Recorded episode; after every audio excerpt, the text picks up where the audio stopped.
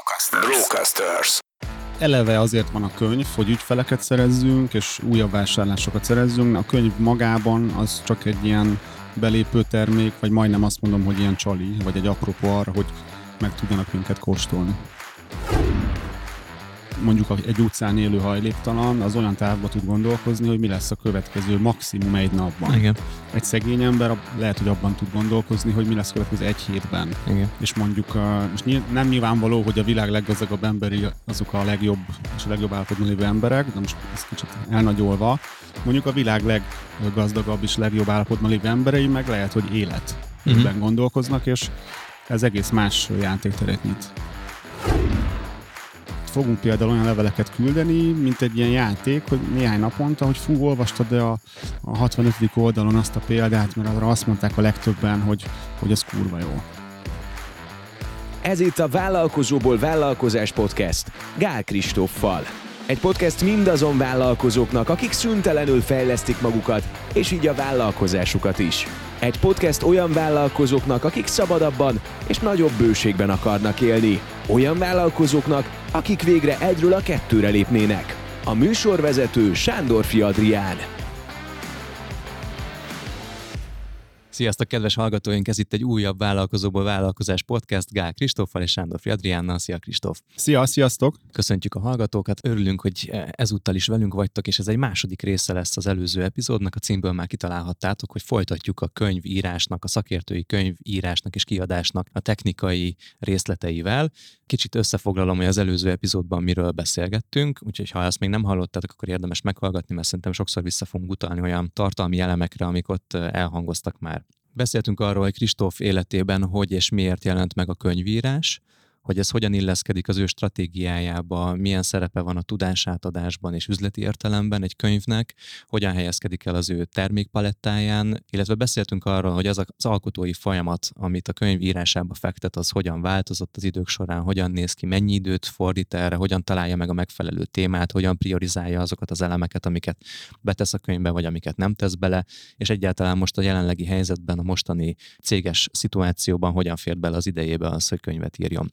A mai adásban arról szeretném kérdezni, hogy mindazok a technikai részletek, amik a könyvíráson túl vannak, azok hogyan néznek ki, és mik azok a dolgok, amiket így elleshetünk, hogyha már az előző adásban sikerült meggyőződnünk arról, hogy van egy olyan módszertanunk, vagy egy olyan szakértői tudásunk, amit érdemes könyvlapjaira vetni. Kristóf, köszönöm szépen, hogy még egyszer bele tudunk mászni ebbe a témába, mert szerintem sok minden nyitva maradt. Kezdjük szerintem először a kiadatásnak a folyamatával, vagy a kiadás folyamatával, és rögtön az első dolog az, ami a fejemben van, hogy abban a procedúrában, ami egy teljes projektmenedzsmentje egy könyv kiadásának, az ötlettől egészen a promócióig, ott hol helyezkedik el a kiadásnak a szervezése, hol kezditek el szervezni ezt, hol találjátok ki, hogy indul el ez a folyamat folyamat. Nagyon fontosnak tartom az elején leszögezni, hogy én nem vagyok egy ilyen könyvkiadási szakértő.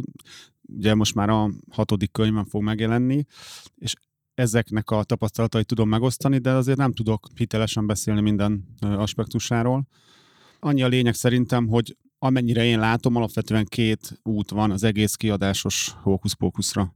Az egyik, hogy van egy kiadód, Arról semmit nem tudok, mert sose csináltam. okay. De nagyjából gondolom azt jelenti, hogy, hogy a kiadó megszervez mindent, neked meg kell csinálni szerzőként a kéziratot, és utána nyilván ez az értékesítésben, meg mindenben megjelenik, hogy te eleve csak egy részt kapsz belőle. Én úgy tudom, hogy nagyon kicsi százalékok jutnak vissza, tehát ilyen 10 százalék alatti hát, számokról lehet hallani. Igen, ne, nem tudom, de gondolom igen. A másik irány, amit én jártam az első perctől, hogy teljesen magán kiadásban csináljuk az egészet, amiről azt gondolom, hogy ha most ezt valaki hallja, hogy magánkiadás, meg amikor mással beszélgetek arról, hogy vannak könyveim, és azt mi magunknak adtuk ki, akkor így, mint a kicsit ez így fel lenne fújva, hogy ez egy ilyen úristen, de durva dolog, hogy magánkiadás, hogy akkor most te kiadó lettél, vagy ilyesmi.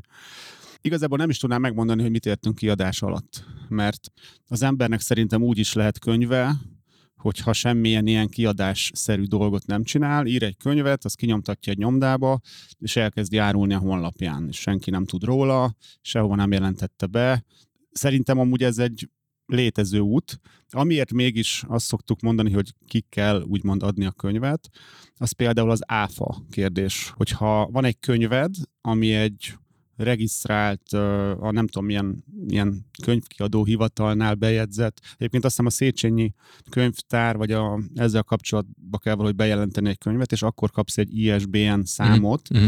Tehát mondhatjuk talán azt, hogy az, az számít egy kiadott könyvnek, aminek van ilyen ISBN ilyen hivatalos száma. Ez miért előny, hogyha van egy ilyen? Azért, mert 5%-os áfával csinálhatsz mindent. Aha. Ha nincs, akkor ugye nem számít hivatalosan könyvnek, csak nem tudom, egy, egy fecninek, vagy nem aha, tudom, a képes, nem tudom, magazinnak és akkor 27% áfa, tehát hogyha 5000 forintért adsz egy könyvet bruttóba, akkor ez nem mindegy, hogy abba 27% áfa tartalmat kell tenni, vagy mondjuk 5-öt. Uh-huh. Mhm, tök jó. Illetve a, például, ha jól tudom, ez, ebben nem vagyok biztos, de ha jól tudom, akkor például az ilyen 5%-os áfájú termékeknek a postázása, meg a kifutároztatása is mehet 5%-os áfázással, hogyha maga a termék 5%. Hm, Oké, okay, tök jó. És meg, egyébként... meg a nyomdázás, tehát hogy, hogy ebben nem vagyok teljesen magabiztos, de hogy egy csomó ilyen áfa vonatkozása van ennek, hogyha ez egy úgymond hivatalos könyv. Uh-huh. Az, hogy, hogy ezek így hogy működnek áfa szempontból, ezt a könyvelőd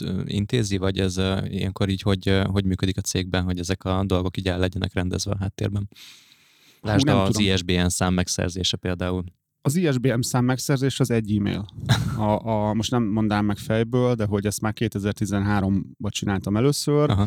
és akkor valahogy megtudtam, hogy ki az a, azt hiszem, hogy a Széchenyi könyvtáros e-mail cím, oda kell írni, hogy van egy könyvem, ennyi oldal, de most ez viccen kívül. De azért nevetek, mert biztos lehet, lehet, hogy nem ez a hivatalos útja, és akkor mindig mondjuk, ám megint írtak Gál Kristóf, és megint, megint, megint kiad egy új könyvet, továbbítsátok légy meg Jó, Nekem ez így bejött, hogy kell egy e-mailt írni megfelelő embernek, hogy mi a könyvet címe, szerzője, oldalszám, Aha. tudom én, ilyen adatok, ezt gondolom rá lehet Google-ben keresni, és akkor jön vissza egy e-mail, hogy ez az ISBN szám. Tök jó. És akkor vannak ilyen következményei, hogy van az a fogalom, hogy köteles példány. Az azt jelenti, hogy köteles vagy leadni, gondolom szintén a Széchenyi könyvtárnak valahány példányt, azért, mm-hmm. hogy így belistázzák a különféle könyvtárakba. Wow.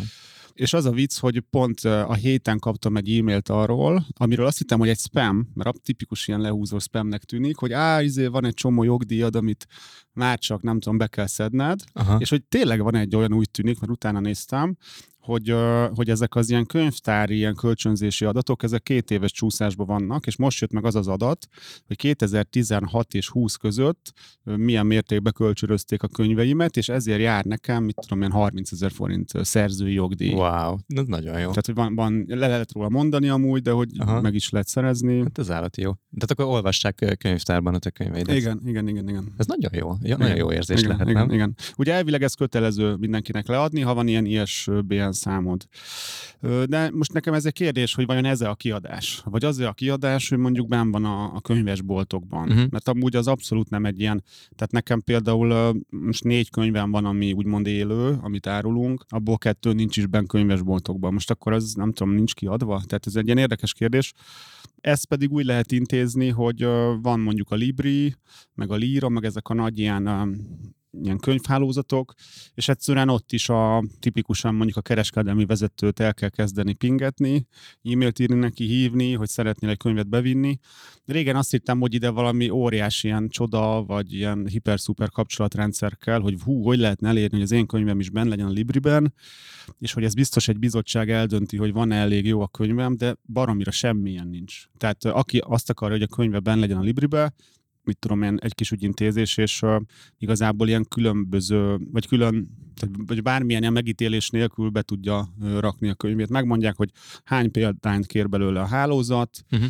és azt le kell szállítani. Nyilván van egy csomó ilyen, hogy hogy kérhetsz extra marketing támogatást, hogy a te könyvedet tegyék a legjobb helyre, megcsinálják promóciót, ez külön, ez olyasmi lehet, mint a polcpénz a kereskedelemben, hogy te külön fizethetsz azért, hogy, hogy a te könyveidet jobban kiemeljék, de amúgy amennyiben nem vagy mondjuk Frey Tamás, vagy valami olyan jelentős szerző, akkor így hát most mondhatnék, hogy, hogy, hogy mennyire bánnak veled komolyan, tehát Aha. nem bánnak veled komolyan, de nem is ítélik meg, hogy te nem vagy elég komoly, és ezért nem veszünk be. Tehát, ha te be akarsz menni, akkor bemész a könyvesboltba is. És te is meg tudnád vásárolni ezeket a kiemelt polchelyeket, vagy a marketing támogatást? Beszéltem szakértőkkel, akik ebben jobban képbe vannak, mint én, ők azt mondják, hogy igen, ez lényegében csak pénzkérdés. Egy nagyon izgalmas ilyen self-brand stratégiának tűnik az, hogy valaki kifejezetten erre fókuszáljon, hogy írjon egy könyvet, kifizeti annak a marketing költségét, hogy a Libriben mindig az arcával ellátott borító folyamatosan vagy jó helyeken látható legyen. Szerintem egy nagyon magas hitelességet tud kölcsönözni viszonylag rövidebb idő alatt, és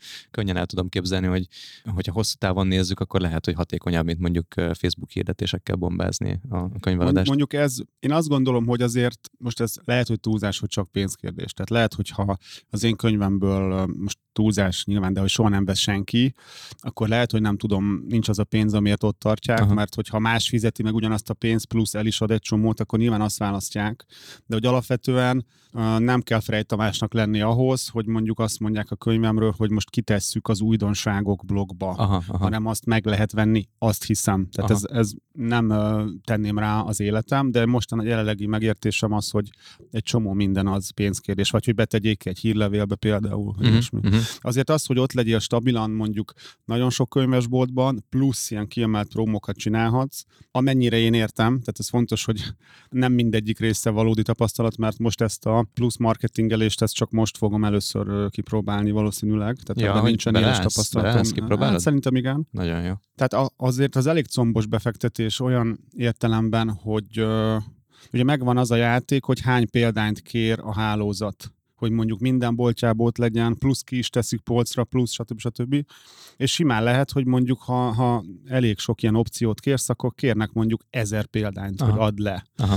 És mondjuk most látom az új könyvemnél, hogy azért az, azért milliós tétel, önmagában az a készlet, amit ebbe be kell tenned, és ugye én utólag fizetnek halasztottan, ha nem megy jól, akkor nem is. Tehát ugye ebbe azért sok pénzt bele kell tenni, plusz a marketing költség, tehát nem azt mondom, hogy nem éri meg ezzel így piározni, de tehát nem egy ilyen gerilla, gerilla trükk, hogy ha hát találtam valamit, ami ja, ja, ja. ingyen reklám. Persze, de hogy most egy olyan cégnél amilyen a tiétek is, ahol van egy tudatos stratégia arra, hogy, hogy hogyan építitek a, a te és a vállalkozásnak a hírnevét, és van erre pénz, az szerintem Persze, egy nagyon, igen, nagyon izgalmas igen. lehetőség, és nem egy elhasznált marketingeszköznek tűnik. Igen, igen, az, az még fontos, hogy a, amit a, azok mondtak nekem, akiket megkérdeztem, és így könyvben otthon vannak, vagy könyvmarketingben, hogy így, hogy így ilyen szomorúan szokták mondani, hogy hát, hogy nagyon rosszul fizetnek a boltok, mert hogy utólag, meg nagyon pici arányt adnak vissza, és hogy így hát necces, hogy megéri el. Uh-huh. És én mindig is úgy gondolkoztam, hogy tökre nem érdekel. Ja. Tehát ez a, az ilyen értelemben a megtérülés, mert hogy én inkább marketing eszköznek látom a, a könyvet. Igen, tehát ugye van egy olyan modell, hogy valaki abból akar élni, hogy könyveket ad el, és íróként él meg, akkor, akkor jönnek igazán számításba ezek a szempontok, és van ez a modell, amikor neked ez egy egy márkaépítő eszköz, amellett, hogy egy termék is, de hogy neked belefér, ha jól értelmezem az előző adásban elhangzottakat, az, hogy akár ezen nem keresel semmit. Ezt azért tehetem meg, mert ugye vevő élettartam értékben gondolkozunk. Tehát tökre nem számít, hogy most egy könyvön keressünk el, mert eleve azért van a könyv, hogy ügyfeleket szerezzünk, és újabb vásárlásokat szerezzünk. A könyv magában az csak egy ilyen belépő termék, vagy majdnem azt mondom, hogy ilyen csali, vagy egy apropó arra, hogy meg tudjanak minket kóstolni. Igen, viszont hogyha mondjuk csali oldalról nézed, akkor van egy olyan ilyen online marketingben elterjedt dolog, hogy írunk egy PDF-et, hírlevél feliratkozásért meg lehet kapni, és meghirdetjük Facebookon, és ez a, ez a nagyon egyszerűnek tűnő verzió. Ehelyette hónapokat, ha jól emlékszem, minimum fél évet beleteszel általában egy könyv megírásába, több száz oldal tartalom, nagyon sok értéket adsz át benne, és rohadt sok pénzt beleteszel a készlet kialakításába, majd utána még marketinged a Libriben, szóval ez egy egészen más nagyságrendnek tűnik. Igen, ez egy szint fölötti dolog nyilván, vagy egy bizonyos szint fölötti dolog, és ezt a legtöbb cég, vagy akár nekünk a legtöbb konkurensünk, vagy egy átlagos piacon, átlagos iparágban a legtöbb cég nem tud ilyen messzire elmenni. Egyébként azért, mert a vevő élettartam értéke, meg a hosszú távú kapcsolatban gondolkozása, ez nem engedi meg, mert ők tranzakciókban gondolkoznak, és így nem, azt látják, hogy fú, ez sok pénz nem térül meg. Persze, három hónap alatt lehet, hogy nem térül meg. Még azt is mondom, lehet, hogy egy év alatt nem térül meg adott esetben, de hogy mondjuk öt év alatt ezer százalék, hogy megtérül, az biztos. Nem akarok ebbe az irányba nagyon elmenni, csak azt látom, hogy nagyon sokan nagyon rövid távon gondolkoznak általában a vállalkozásukban. A következő epizód, amit majd rögzíteni fogunk, az nem titok, hogy a tervezésről szól, és szerintem ott majd akkor érdemes lesz erről is beszélgetni, de egy nagyon röviden, hogy valójában én azt látom rajtad, hogy te egy életre tervezel a click marketinggel, és lehet, hogy utána is, tehát hogy majd ennek lesz valamilyen fajta folytatása, abban meg bele kell, hogy férjen, hogy több éven át működik egy stratégia, vagy több év múlva kezd el valamilyen fajta közvetlen hasznot hajtani. Szerintem az azért ez fog, tehát nem kell éveket várni, de hogyha valaki képes ilyen távokban gondolkozni, az egy egész más játéktér. És egyébként ez tök fontos észrevenni, hogy, hogy egy embernek is szerintem, meg egy cégnek is igazából az állapotát, meg így a jövőbeni túlélési esélyeit, vagy, vagy, vagy ezekre vonatkozóan nagyon beszédes az, hogy milyen távban képes gondolkozni. Mondjuk egy utcán élő hajléktalan az olyan távban tud gondolkozni, hogy mi lesz a következő maximum egy napban. Igen. Mondjuk egy egy, egy, egy szegény ember lehet, hogy abban tud gondolkozni, hogy mi lesz következő egy hétben. Igen. És mondjuk, most nem nyilvánvaló, hogy a világ leggazdagabb emberi azok a legjobb és a legjobb állapotban lévő emberek, de most ez kicsit elnagyolva. Mondjuk a világ leggazdagabb és legjobb állapotban lévő emberei meg lehet, hogy élet uh-huh. gondolkoznak, és ez egész más játékteret nyit. Igen, mert a jelennek a problémáit egészen más perspektívában látod onnantól kezdve, vagy a jelennek a befektetéseit más módon látod megtérülni. Na jó, és ez a cégekre is igaz abszolút, hogy, hogy egy, egy, egy gyenge lábakon álló cég az napi szinten gondolkozik, és egyszerűen képtelen mondjuk hosszabb távú dolgokra fókuszálni. Hát ilyen az, hogy most ebben a hónapban elköltöttünk 40 ezer forintot Google Ads-re, hol jövő hónapban nem biztos, hogy el, el akarom költeni ezt a pénzt, de azért majd gondolkozunk rajta, hogy jövőre egyáltalán hirdessünk-e, holott valójában meg mindegy, ezt már száz adásban kiveséztük, úgyhogy ezt most már nem nyitom ki ezt az ajtót, menjünk vissza a kiadatáshoz, vagy a kiadás folyamatához, és én még mindig arra vagyok kíváncsi, hogy, hogy abban a folyamatban, ahol, ahol készül a kézirat, ott hol kell elkezdeni ennek a nyomdai előkészítését, meg a hozzátartozó egyéb olyan folyamatokat megtervezni, amik ahhoz kellenek, hogy ez fizikai formátumban is elkészülhessen. Ugye csak a magánkiadás irányról tudok beszélni. Itt én úgy gondolom, hogy, hogy maximum három, három lényeges, vagy esetleg négy lényeges szereplő van van a, a szerző, vagy a cég, tehát mondjuk, mondjuk azt, hogy a szerző, tehát hogy honnan jön a, a, a kézirat. Uh-huh. A kettes játékos az, az egy olyan ilyen projektmenedzselőszerű cég, aki össze tudja fogni a könyv munkálatait, mert ért hozzá, hogy milyen egy jó címlap, milyen a tördelés, van tördelője, van grafikusa, uh-huh. van mondjuk lektora, vagy legalábbis ismerőse, ismer nyomdát, stb. Tehát akinél ez így tud koncentrálódni, mondjuk ez a kettes szereplő. A hármas szereplőről mondjuk akár lehetne a nyomda, Aha. de mondjuk ha a kettes szereplő ezt menedzseli, akkor az nem az én problémám, úgymond. Aha. És akkor a hármas vagy a négyes szereplő meg mondjuk a könyvesboltok. Uh-huh. Tehát hogy nagyjából ezek a játékosok. Én azt szoktam csinálni, hogy amikor elkezdtem ezt a mostani könyvemet csinálni, a lehető leghamarabb jeleztem annak az ilyen könyvtervezős cégnek, akikkel együtt szoktam dolgozni, hogy, hogy mondja meg ő, hogy mi a mondjuk a timing, tehát a, az idő, vagy mik a mérföldkövek, hogy mikorra kell mit elkészülni, és most is abban vagyunk, hogy nekem ehhez, ehhez nincs tudásom, hogy meg tudjam ezeket mondani, de most már beütöttük, hogy mikor kell a kéziratot véglegesíteni, mikor kell leadni a nyomdának, mikor tudsz állítani a nyomda, és akkor igazából van ez a, ez a visszafele gondolkodás, hogy mikor akarom kiadni a könyvet, mondjuk ha ezt tavasszal tudom, hogy mondjuk december elején akarom megjelentetni, akkor visszafele számolgatunk, hogy mikor legyen kész a címlap, a kézirat, stb. Uh-huh. Mennyi idő, a, amit így visszafelé kell fejteni valójában? Hát mindenképp szerintem egy jó pár hét. Így a, én hívhatnánk ilyen végjátéknak. Tehát amikor már nagyon, tehát valójában azt szoktam csinálni, hogy az elején kiadom az életjelet, hogy lesz egy könyv, uh-huh. hogy kezdjenek el ezzel kalkulálni. Igen. És akkor ők igazából nem nagyon tudnak mit csinálni addig, amíg mondjuk egy oldalt írtam, de hogy kezd egyre jobban készülni a kézirat, akkor így elkezdünk pötyögni azon, hogy a címlapra mit gondoltam, mert ha például olyan címlapot akarok, ahol mondjuk egy fotó van rólam, akkor azt külön be kell fotózni, ahhoz is lehet, hogy idő kell összeszervezni, nem lehet jó a kép, újra fotózzuk, próbálgassuk, nem tudom, ilyen borítószavazást csináljunk akár. Majd erről beszéljünk ami, még külön. Igen. Tehát, hogy így azért mindenképp jó pár hét Kicsit a költségszerkezetről beszéljünk, Léci, hogyha már a nyomdánál tartottunk meg azt, hogy van egy második szereplő, ez most kicsit meglepett, hogy amúgy, hogy van egy ilyen projektmenedzser cég, de hát amúgy teljesen logikus, hogy ezt nem a click marketingnek a saját meg tudnánk amúgy, végzik. tehát ö, nyilván meg tudnánk azt csinálni, hogy én keresek egy lektort, én keresek Aha. egy borító szakértőt, csak így egyszerűbb. Azt hittem, hogy ti ezen az úton mentetek, és azért nagyon izgalmas ez a, ez a, ez a fonál, viszont ez biztos, hogy egy, egy további költségtételt jelent a, Hmm. a működésben. Tehát, hogy van egy olyan fajta költsége a könyvkiadatásnak, ami a te közvetlen idődet jelenti, azt talán ne számítsuk ebbe bele, Uh-huh. de hogy amúgy milyen költségtételek merülhetnek fel, és ezek a valamilyen arányosítást beszéljünk át, hogy, hogy ahhoz képest amennyiért majd eladjátok, abból mekkora részt fedeznek ezek a költségek. Látok egyébként olyat, hogy simán valaki megcsinálja azt, hogy fullosan maga csinálja meg. Tehát, hogy mondjuk betördeli magának, nyilván azért az olyan is lesz, Uh-huh. Tehát szerintem magas szinten, tehát én nem merném megengedni magamnak, hogy mondjuk saját magam, még ha ismernék is tördelő programot, hogy így elkezdem ezeket megcsinálni. Nem is feltétlen azért, mert az időm értékesebb, hanem egyszerűen nem tudom olyan jóra megcsinálni, amit én elvárok magamtól, de nyilván ez, ez egyéni. Nekünk ez a, ez a projektmenedzselés része, tehát a, vagy hát nem is a projektmenedzselés a lényeg, hanem mondjuk azt, hogy a, a tördelés, a lektorálás, a borító tervezés, és ezeknek az összefűzése az ilyen százezer, néhány százezer forintos tétel. Aha, aha. Ez most így nagyon attól függ, tudod, hogy ki mit akar, de mondjuk a száz, né, néhány százezer forint az a, a nagyságrend. Uh-huh, uh-huh. És akkor uh, van egy következő nagy tétel, az meg a nyomdai gyártatás.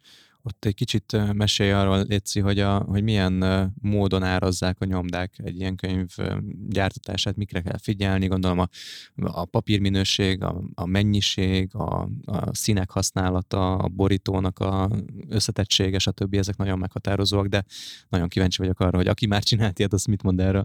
Hát sokkal többet nem tudok, tehát függ az oldalszámtól, ugye, hogy mennyi papír, hogy milyen minőségi papír, vannak olyan papírok, ami azt hiszem az a neve, hogy ilyen habosított, tehát amikor ilyen 400 oldalas könyv, de ilyen egy grammosnak érzed, ilyen könnyű, aha, ilyen furán aha, könnyű, Aha, aha, az például ilyen felfújt papír, az elvileg a rossz minőséget jelenti. aha, A jobb minőségű papír az nehezebb, drágább, aha. akkor van az, hogy a borító milyen, hogy mondjuk színes, eleve a, a nyomás színese, aha. tehát az, hogy színesben akarod, az, az brutál. Mondjuk a főcímek, Plusz. ugye, vagy az ilyen elválasztó alcímek, stb. Igen, tehát nekem Aha. most ez az el- első olyan könyvem lesz, ami színes. Aha. És nagyon durván elszálltak a nyomdai árak, a papírára is elszállt, mert papírhiány van, szóval minden nyilván drágul. Én most nem tudnám megmondani az arányokat, hogy a fekete-fehér meg mondjuk okay. a színes, hogy arány, meg gőzöm nincs. De számít, hogy a címlap színese, hogy az milyen minőségű, számít a kötészet, hogy hány oldalas, hogy ragasztott kötés, vagy ilyen fűzött. Nem tudom megmondani, hogy melyik a jobb. Uh-huh. Számít az, hogy mit tudom én, van egy olyan tétel, hogy formalak, az azt jelenti, hogy mondjuk amikor a cím a, a borítón így ilyen szépen ilyen, ilyen fénylik. Igen, Tehát igen, csak az tudom. fénylik. Aha. Azt hívják ilyen, azért formalak, mert hogy formákat ugye lakkoznak. Annak is van egy darab tétele, hogy mondjuk most ez lehet, hogy teljesen ö, ilyen blöff, de hogy mondjuk példányonként mondjuk 50 forint, Igen. az, hogy formalak legyen. Aha. Akkor számít az, hogy van-e ilyen behajtós, ilyen füle a, a, a címlapnak, meg a hátlapnak. Azt én például szerettem, mert oda lehet írni ilyen szerzőinfót, vagy akár lehet ilyen könyvjelzőnek használni, Igen. hogy azt hajtod be. Igen, igen. Akkor ö, mi számít még? Számít az, hogy akarsz nem tudom, ilyen belerakni, ilyen plusz szórólapszerűséget. Uh-huh. Hát igazából nagyjából, meg, meg a példányszám brutál, tehát az nagyon durván számít. Tehát Igen, az, igen. hogy ö, most amit, amit nagyjából majdnem fejből tudok, hogy mondjuk nézegettünk, hogy ö, hogy 500-at, 1000-et, 1500-at, vagy mondjuk 3000-et gyártsunk.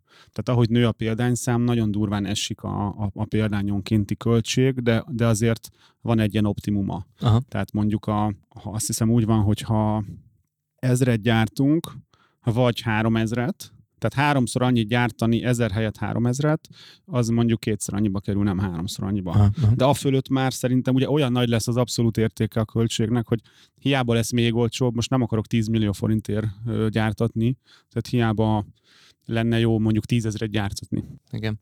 Mekkora tétel valójában egy könyv eladási árában? Mondjuk a ti esetetekben mondtál, mondtál egy ilyen 5000-es bruttó számot, ez, ez nagyjából ez lesz a végára? Valószínűleg 6000 lesz a... Aha. Ugye most annyira megy föl minden, hogy már az 5000-es könyv az így majdnem, hogy olcsó. Múltkor bementem az egyik könyvesboltba, és lekaptam egy könyvet, ami, ami nagyon tetszett. Sokszor veszek úgy könyvet, hogy nem nézem meg az árát, mert jobban érdekel az, hogy, hogy mi lesz a tartalom, és feltételezem, hogy mondjuk 3-4 ezer forint lesz. 12 ezer forint lett volna. Igen. Egy random, egyszerű könyv. Igen. Szerintem mondjuk ez nem az átlag, de az volt az, amit visszatettem, hogy ez, ez most még azért hát nem. Amit én régebben hallottam ilyen könyvmarketing témában, hogy az 5000 forint az egy ilyen álomhatár, uh-huh. tehát hogy, hogy mondjuk 5500 forint, vagy 4500 forint, ilyen nagyon durva különbség lehet az eladásban, de azért az nem most volt, és szerintem annyira megy mindennek az ára, hogy lehet, hogy, hogy lassan tízezer lesz ez az álomhatár. Elképesztő. Én mindig úgy veszek könyvet, hogy próbálom azt értelmezni, hogy a benne kapott tudás az, az mivel érhet fel,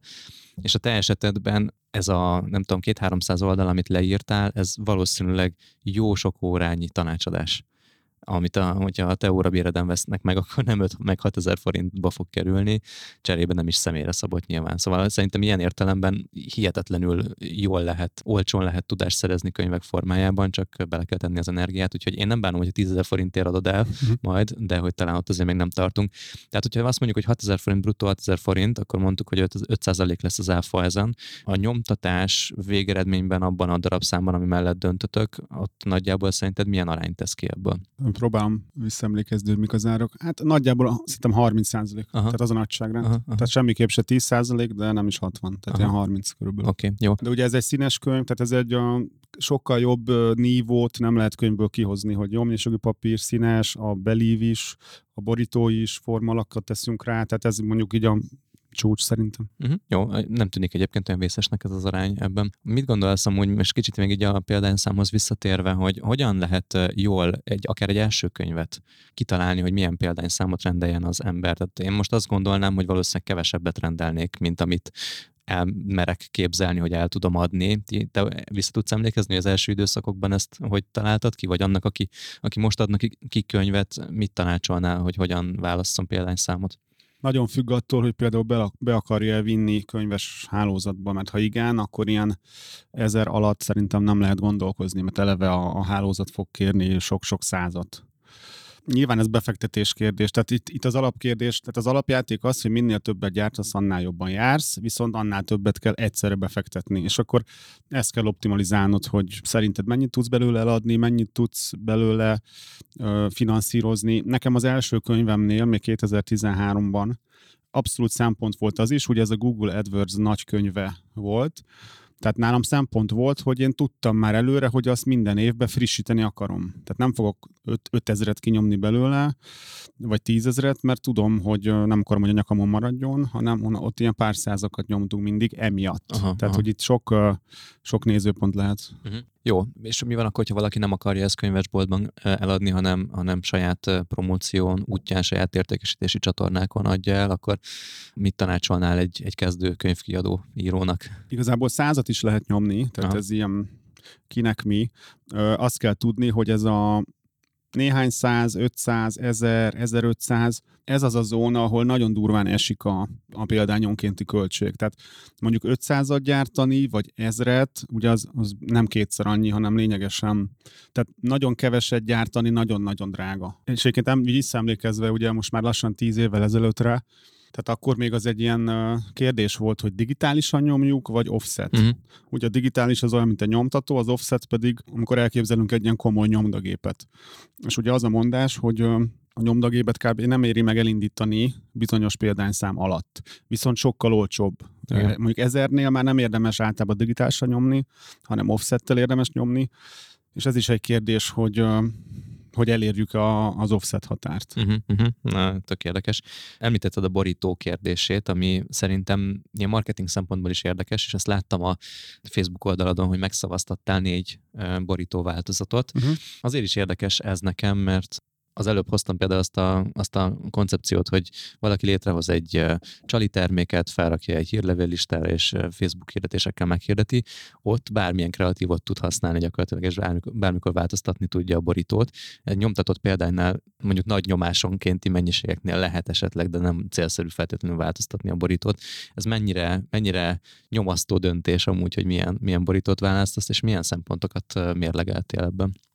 Érdekes most, hogy így mondod, így az jutott eszembe, hogy igazából, ahol igazán jelentőség van a borítónak, az a könyvesbolt. Mert ott kiteszed, és akkor az van. Uh-huh. De ha mondjuk online árulod, akkor igazából el tudod játszani, hogy, hogy akár AB teszteled ott a, a borítót, és valójában nem is azt a borítót teszed oda, ami az igazi, mert most senki nem fog szerintem, senki nem fogja szóvá tenni, hogy nem is olyan a borító, észre se vennék szerintem. Aha, aha. Tehát akár, akár a címét, vagy egy csomó mindent lehetne tesztelni digitálisan. Mm. Tehát ez, ez most jutott eszembe, ez egy érdekes dolog. Nyilván az a, itt a címe nagyon fontos, meg hogyha könyvesboltba gondolkozunk, hogy tényleg ránéznek-e, kézbe veszik-e. Ez kicsit olyan szerintem, mint egy e-mailnél a tárgysor, hogy ott az a cél, hogy kinyisd. Itt is, hogy milyen a címlap, hogy leveszed a polcról. Sokkal több jelentősége igazából nincs, uh-huh. szerintem. Uh-huh. Mégis te milyen szempontokra figyelsz, mert hogy láttam azt, hogy, hogy számított az, hogy hogyan van elrendezve a szöveg, tehát hogy milyen dizájn van rajta, hogy mik voltak azok a dolgok, amiket ilyen kis részecskékként te fontosnak tartottál. Most elárulok egy e- elég nagy kulisszatitkot, így közben gondolkoztam, hogy ezt elmondjam-e. Amiket föltettünk szavazásra, az a négy borító, annál már igazából sokkal tovább mentünk a tervezésben, és előre haladottabb, és majdnem biztosan el, van, meg el volt már akkor is döntve, hogy melyik legyen a borító, uh-huh. és ez korábbi ilyen borítós játékaimnál is így volt, hogy így, most ez lehet, hogy nem hangzik jól, de hogy igazából tehát olyan sok szempontot kell mérlegelni a borítónál, hogy most ha, ha kapna öt szavazattal többet az, amelyiket nem akarjuk, akkor azért nem az lenne. Inkább ez, ezt egy olyan validálásra szoktam használni, hogy, hogy remélem, hogy az embereknek is azt tetszik, ami, ami nekünk. És mm. most is egyébként kijött, hogy igen. De jó. És hogy nem pontosan az lesz, de hogy akkor jó az, az irány. Hát, ez nyilván igazából egy marketing játék, hogy lássák, hogy lesz könyv. Én ezt teljesen megértem, mert hogyha azt mutatnád be, hogy tessék, ezt választottuk borítónak, ez lesz, tetszik vagy nem tetszik, akkor, akkor nem tudnak mi az viszonyítani. Hogyha azt mondod, hogy van négy alternatíva, akkor, akkor természetesen különböző szempontok is érvényesülni tudnak ebben. Um, Kicsit itt lehet azzal is játszani, hogy mert sokkal több verziónk volt, uh-huh. hogy úgy irányítani, hogy megpróbálok olyan verziókat föltenni, hogy a, a kedvencemet, ami szerintünk a legjobb, meg három olyat, ami, ami azért látszik, hogy alternatíva, de hogy reméljük, hogy nem azt fogják választani. tehát, hogy ez egy kicsit azért lehet irányítani, és amúgy szerintem ez nem inkorrekt, tehát nem érzem így ilyen nem fernek. Nem, én sem. Főleg, hogy valamilyen nyeremény is volt a, a igen, részvevők között. Egy érdekes dolog van, hogy ráteszed-e az arcodat, mondtad, hogy fotózás, hogy Például én azt gondolnám, hogy tényleg működik ez, hogy a, amikor az ember egy másik arcot lát, akár egy Facebook hirdetésben, akár a, a könyvesboltnak a polcán, ahhoz van egy ilyen tudatalatti vonzódásunk, uh-huh. de azt hiszem ezzel nem játszol, ezzel az eszközzel most. Most nem. Ugye az előző két könyvemben mind a kettőn én voltam, azért, mert azt úgy éreztem, hogy az, az a könyv az, az én vagyok. Nyilván ez a K8, meg a mostani téma is olyan értelemben én vagyok, hogy én találtam ki, de hogy ez kifejezetten egy ilyen stratégiai döntés, hogy ez egy, ez egy click marketing könyv lesz, amit amúgy persze Gál Kristóf írt, de hogy ez nem rólam szól, ez inkább a cégről szól. Tehát itt ez a, a következő könyv, amit a V8-ról fogok várhatóan írni, ott már nagyobb esélye leszek rajta újra én a borítón, hiszen az megint sokkal közelebb áll hozzám. Uh-huh. A cím kapcsán eszembe jut egy, hallottam egy nagyon sikeres amerikai írónak egy módszertanát, ilyen üzleti témákban írt, azt hiszem, hogy volt 10-12 féle címötlete, és mindegyiket egy elég intenzív Facebook kampányjal AB tesztelte gyakorlatilag, nézte, hogy mire, hogyan kattintanak, utána, amikor megérkeznek egy landing oldalra, akkor mennyi ideig maradnak az oldalon. Azt, hogy utána milyen ilyen mikrokonverziókat mért, arra már nem emlékszem, de hogy nektek volt valami módszertanotok arra, hogy hogyan választotok címet? Igen, ezek, ezek létező megoldások. Megmondom őszintén, hogy én, én egyszerűsíteni akarom az életem, úgymond. De nincs uh, rá kapacitásunk, hogy ezeket végigjátszuk, meg, igaz, meg á, lehet, hogy kedvem sincs. Uh-huh. Mind, minden könyvem címét alapvetően én döntöttem el ilyen, ilyen hókusz-pókuszok nélkül. Attól függetlenül ezek jó megoldások, és ha lenne rá egy idő, energia, kedv, akkor ennek tökre van értelme. De egyébként ezt utólag is akár lehet ezzel játszani. Itt ugye az egész könyvborító, meg a cím igazából a könyvesboltokban játszik, mert a honlapomon igazából bármit odaírhatok, ha akarok. Szóval, hogy, hogy én nem látom ezt akkora jelentőségűnek. Inkább szerintem ezen könnyen le lehetne akadni, hogyha valaki más kiadja az első könyvét, akkor úristen egy évig gondolkozok, hogy a megfelelő címet megtaláljam, és meg mindig nincs könyv, mert, mert ezen gondolkozok. De amúgy mhm. tök, tehát jó felvetés abszolút. Igen, nem tudom, hogy milyen élethelyzetben jó ez a módszertan, és az is igaz, hogy ha később a promócióra kerül a sor, akkor meg aztán bármilyen szöveget lehet tesztelni, úgyhogy ez, ez lehet, hogy, hogy ebből a szempontból másodlagos. Azt gondolom, hogy egy szerzőnek, aki mondjuk milliós példányszámokat akar eladni, nem mindegy, hogy milyen könyvcímmel azonosítják őt, mm. és mhm. hogy a nevéhez milyen címet fognak társítani, amit lehet, hogy könnyebb úgy eldönteni, hogy megnézi a közönségnek a véleményét. Neked ez egyszerűen kialakult a fejedben, és lehet, hogy a hatodik könyvnél ez már nem akkor a kérdés. Ugye, cím az lesz, hogy online marketing cégvezetőknek. És ez nem a világ legmarketingesebb címe, de hogy egyszerűen azt akartam átvinni a lehető legegyszerűbben, hogy ez online marketingről szól, és cégvezető szinten. igen, és igen, nem tiszta. arról, hogy hogyan kattintgass, és már meglátjuk, hogy majd a piac eldönti, hogy milyen ez. Jó van. Beszéljünk egy kicsit az értékesítés folyamatáról, illetve a promóciós folyamatról feltételezzük, hogy kinyomtattad az összes könyvet, ott van az irodátokban, vagy a bérelt raktárban, nagy hegyekben áll ez a könyv, vagy a könyvesboltokban áll ez a könyv. Hogy néz ki annak a tervezése, hogy végeredményben ez rátaláljon a vevőire, és milyen eszközöket vettek be? Ugye a könyvesboltot ezt külön venném, mert az megy egy külön úton. Egyébként az is egy taktika, hogy, hogy akár nem is árulod a saját honlapodon a saját könyved, hanem, és akkor ennek az egész logisztikáját nem veszed a nyakadba, hanem, hanem mindenkit irányítasz a Libribe. De uh-huh. ugye a Librinek is van webshopja is, uh-huh. tehát hogy nem kell mondanod arról, hogy online lehessen rendelni a könyvet, de ez is egy irány. Mi mindenképp fogjuk árulni a saját eszközeinkkel.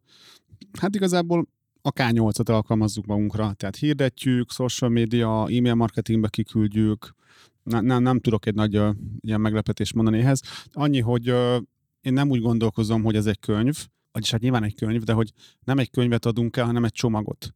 És ez például mindig egy kérdés, hogy ha Libriben is, meg máshol áruljuk, akkor miért érné meg nálunk megvenni, hogyha amúgy ugye Libriben, ha ott vagy, akkor nincs is szállítási költség, még lehet, hogy akciózzák is, vagy ilyesmi hogy nálunk meg lehet, hogy van szállítási költség, hogy azért érném meg nálunk megvenni, mert mi, mert mi adunk hozzá egy csomó bónuszt majd. Aha. Tehát videókat, lehet, hogy plusz könyvet, tehát hogy egy, egy, egy, egy olyan ajánlatot akarunk tenni, most ezt még nem dolgoztuk ki teljesen, de hogy, hogy egy ilyen best buy legyen. Tehát ez nem kérdés, hogy mondjuk 6000 forintért, meg akár még plusz szállítási költségért, és egyszerűen annyit kapsz, hogy hülye, ha nem veszed meg. Igen, ilyen visszautasíthatatlan ajánlat legyen, ami ráadásul, hogyha mondjuk videókat teszel hozzá, akkor neked már nem kerül többletköltségbe. Szóval ez, ezt értem, és kifejezetten erre voltam egyébként kíváncsi, hogy, hogy van-e valami ilyen trükk, amit hozzáteszel. És a videó például én azért szeretem nagyon mondjuk egy ilyen könyv típusú dologhoz, amit ugye meg kell várnom, hogy megjöjjön, hogy van egy ilyen csúszás a, a kielégülésbe, hogy most megvettem, de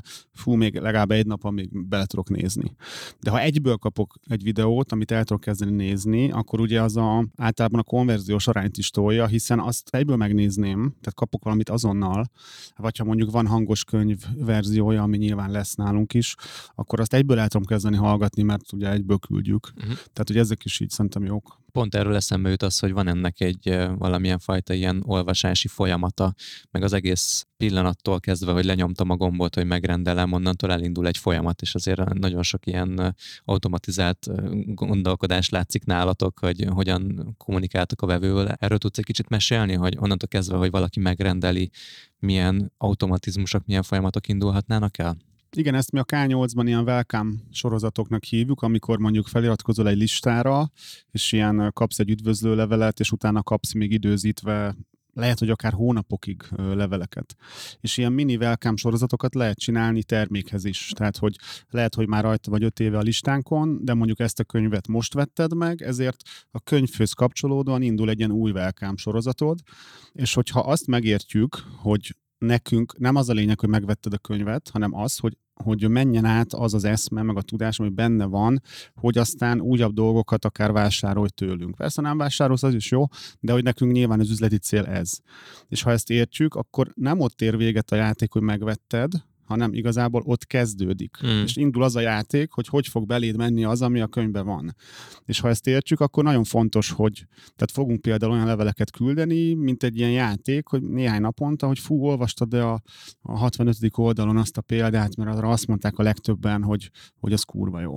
Vagy, vagy, vagy két hétre erre küldünk, hogy fú, képzeld el, itt van egy új aspektusa, nem tudom, a hatos fejezetnek, tehát hogy elősegítsük azt, hogy minél nagyobb eséllyel olvasd. Tehát ez biztos, hogy fogjuk csinálni, csinálni, mert persze véleményt fogunk érni, amit aztán vissza tudunk tölteni a marketingünkbe, hogy, hogy azt mondják, hogy jó a könyv, meg upselleket fogunk küldeni, hogy ha tetszett a, a nem tudom, a blogolás téma, akkor itt van egy, egy, egy digitális tananyagunk a, a blogoláshoz. Tehát, hogy ezt így abszolút fogjuk csinálni. Tetszik, amit mondasz, kicsit jobban megvilágítja nekem azt a stratégiát, amit külföldről rendszeresen lehet látni, hogy akár úgy is eladják a könyveket, hogy csak a szállítási díjat kell kifizetni, mert azt mondják, hogy nekik kerül mondjuk tényleg a termék árának, árához vetített mondjuk max 30%-ba, de lehet, hogy egy nagy példányszámnál még kevesebbe. Tehát valójában egy megfizethető marketingeszközé válik a cégek számára, de onnantól kezdve beindul egy olyan cunami, az, főleg az ilyen amerikai guruknál, hogy, hogy szinte ilyen már-már fullasztó mennyiségű tartalmat küldenek, itt szerintem ezért ez Magyarországon, ugye ti esetetekben nem biztos, hogy ezért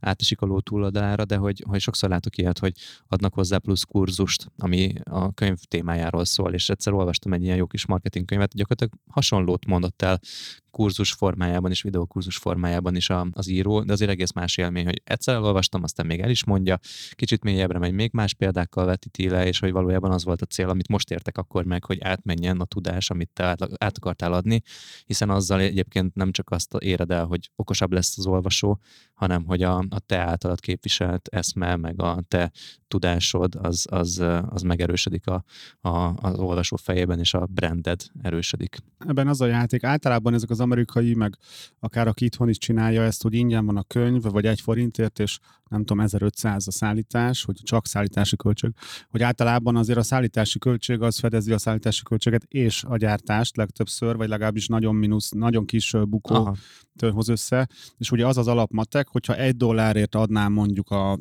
kvázi ingyen ezeket, akkor ha száz vevő megveszi, akkor mind a száz vevő egy dollárt fizet, tehát ott a vevő úgymond élettartam értéket egy dollár per vevő. De ha százból egy megvesz egy száz dolláros kurzust, uh-huh, amire uh-huh. az elég nagy az esély, uh-huh. akkor hirtelen a száz embernek nem száz dollár az összes értéke, hanem 200. Uh-huh. Tehát minden egyes vevődnek az Igen. élettartam értéke megduplázódott. Igen. És aztán, hogyha minden száz dollárosból a századik megveszi az ezer dollárosat, tehát hogy így nagyon durván tolják föl ezzel, és lehet, hogy akár ki is van hegyezve, hogy nem olyan nagy a, a profit az egészen, bár azért szerintem elég nagy, de hogy abszolút, ez, ez matek igazából. Te ebbe, az irányba, matek. te ebbe az irányba nem akarsz elmenni? Hogy ennyire feltolni az árakat? Én abba az irányba szeretnék elmenni, hogy a nagyon nagy értéknek érzékeljék a könyvet és minden mást, amit hozzáadunk. Uh-huh. Tehát ugye alapján sales attitűd, hogy, hogy van az eladandó valaminek egy, egy, egy értéke a vevő fejében, meg van egy ára, amit kérni akarok érte. És ugye az az értékesítési helyzet, hogyha ez a, az ár, az a vevő fejébe fölötte van a, az értéknek, akkor azt mondja, ez nem éri meg. Uh-huh. És akkor egy rossz szélszes azt csinálná, hogy akkor hozzuk le az árat, uh-huh. hogy eltalálja az értéket. Uh-huh. De a jó szélsz az, hogy vigyük fel az értéket, hogy beérje az árat. Most ezt lehet, hogy bonyolultan mondtam, de hogy... Mit tudok még hozzátenni ahhoz, hogy, hogy ezen az áron nem az, nem az hogy adjuk ezer forintért a az amúgy 6000ért is nevetségesen olcsó könyvet, hanem, hanem értse meg, hogy ez miért éri meg. És neked utána meg az a végső lecsapódás, hogyha ebből később a, a már kialakított termékeidre, szolgáltatásaidra újabb vevőket tudsz ezzel találni, tehát nem, a, nem akarsz tovább menni a személyes oktatási irányba. Igazából tehát ugye nekünk a menedzselt szolgáltatásaink, tehát hogy mi kezeljük egy ügyfélnek az online marketingét, az a jelenleg a legmagasabb szint, de ha vesz tőlünk digitális tananyagot, vagy konzultációt, vagy mentorálás, vagy bármit, az is jó. És igazából én úgy gondolkozom, hogy ha, ha több ezer, vagy akár több tízezer vállalkozó, vállalkozás kezében ott lenne ez az új könyvem, az egyszerűen nem tudja nekünk nem megérni. Mert hogyha a világon semmit nem vesz többet az az illető, akkor is lehet, hogy elmondja, valaki meglátja a polcán, tehát hogy ez ilyen, ezek már nyilván ilyen hosszabb távú hatások, tehát ez nem röviden térül meg, de hogy, hogy a Google AdWords könyvemnél például az a hatás, ez, ez nagyon érdekes mostani példa, hogy van egy új kollégánk a TV, aki értékesítőnk, mesélte, hogy ment haza, nem tudom, a szüleihez, és hogy észrevette, hogy igazából az apukája polcán ott van a könyvemnek mhm. az első kiadása, ami majdnem tíz éves, wow. és hogy így a tökre képbe voltak, hogy, hogy mi az, hogy click marketing, de menő, hogy ott dolgozol. Wow. Tehát, wow. hogy most nyilván erre nem lehet építeni, de hogy van egy ilyen hatása, hogy így az az érzés, hogy így majdnem mindenki tudja, hogy van egy ilyen könyv, hogy AdWords könyv, és azt a click marketing csinálta. Hát akkor az a stratégia, hogyha employer brandinget akarsz fejleszteni, ki kell küldeni a 50 pluszos korosztálynak ingyen a könyvedet, és akkor utána az ő gyerekeik majd megtalálják a polcon, és majd elkötelezettebb munkavállalók lesznek. Kristóf, én nagyon szépen köszönöm. Körbeértünk, körbeértünk onnantól kezdve, hogy megszületik az idea, egészen odáig, hogy a polcokra kerül, és akár még ennek egészen hosszú távú következményei is lesznek. Köszönöm szépen, hogy ilyen transzparensen elmondtad akár a költségszerkezetet, a folyamatot, amin végigmentél. Ez nyilván egy vetülete ennek a könyvkiadási folyamatnak, de egy nagyon érdekes része. Úgyhogy hát remélem, hogy sokat tanultak ebből a hallgatók. Nekem nagyon érdekes volt, köszi. Na, nagyon szívesen. Kedves hallgatóink, ez volt a Vállalkozóba Vállalkozás Podcast legújabb része, ez volt a második epizód, ami kifejezetten a könyvkiadásról, a szakmai könyv írásáról és értékesítéséről szólt. Hogyha még az első epizódot nem hallottatok, akkor menjetek egyel vissza, ott megtaláljátok az első részt, ami az előkészületekről és az írás folyamatáról szólt, illetve úgy általában a nagy stratégiáról, ebben az adásban pedig a következő lépésekről volt szó. Ha tetszett, akkor osszátok meg az ismerőseitekkel, gyertek el a zárt csoportunkba, a vállalkozóba, vállalkozás csoportba, ami, ami megtalálható a Facebookon, illetve hát ismeritek már a click marketingnek nagyon sok termékét és feliratkozási lehetőségét, a hírlevelet mindenképpen ajánlom. Hogyha új epizódokról szeretnétek értesülni, akkor például ott mindig jönnek a Kristófék hozzá egy kis szösszenetet, érdemes azokat is elolvasni. Köszönjük, hogy velünk voltatok. Ez volt a Vállalkozóba Vállalkozás Podcast Sándor Fiadriánnal és Gál Kristóffal. Sziasztok! Sziasztok! Ez volt a Vállalkozóból Vállalkozás Podcast Gál Kristóffal és Sándor Fiadriánnal. További epizódokért és tartalmakért kövess Gál Kristófot a Facebookon, de megtalálsz minket a Spotify-on, az Apple és a Google Podcast appokban, a Soundcloud-on és a további podcast platformokon is. Hamarosan egy újabb epizóddal érkezünk. Brocasters.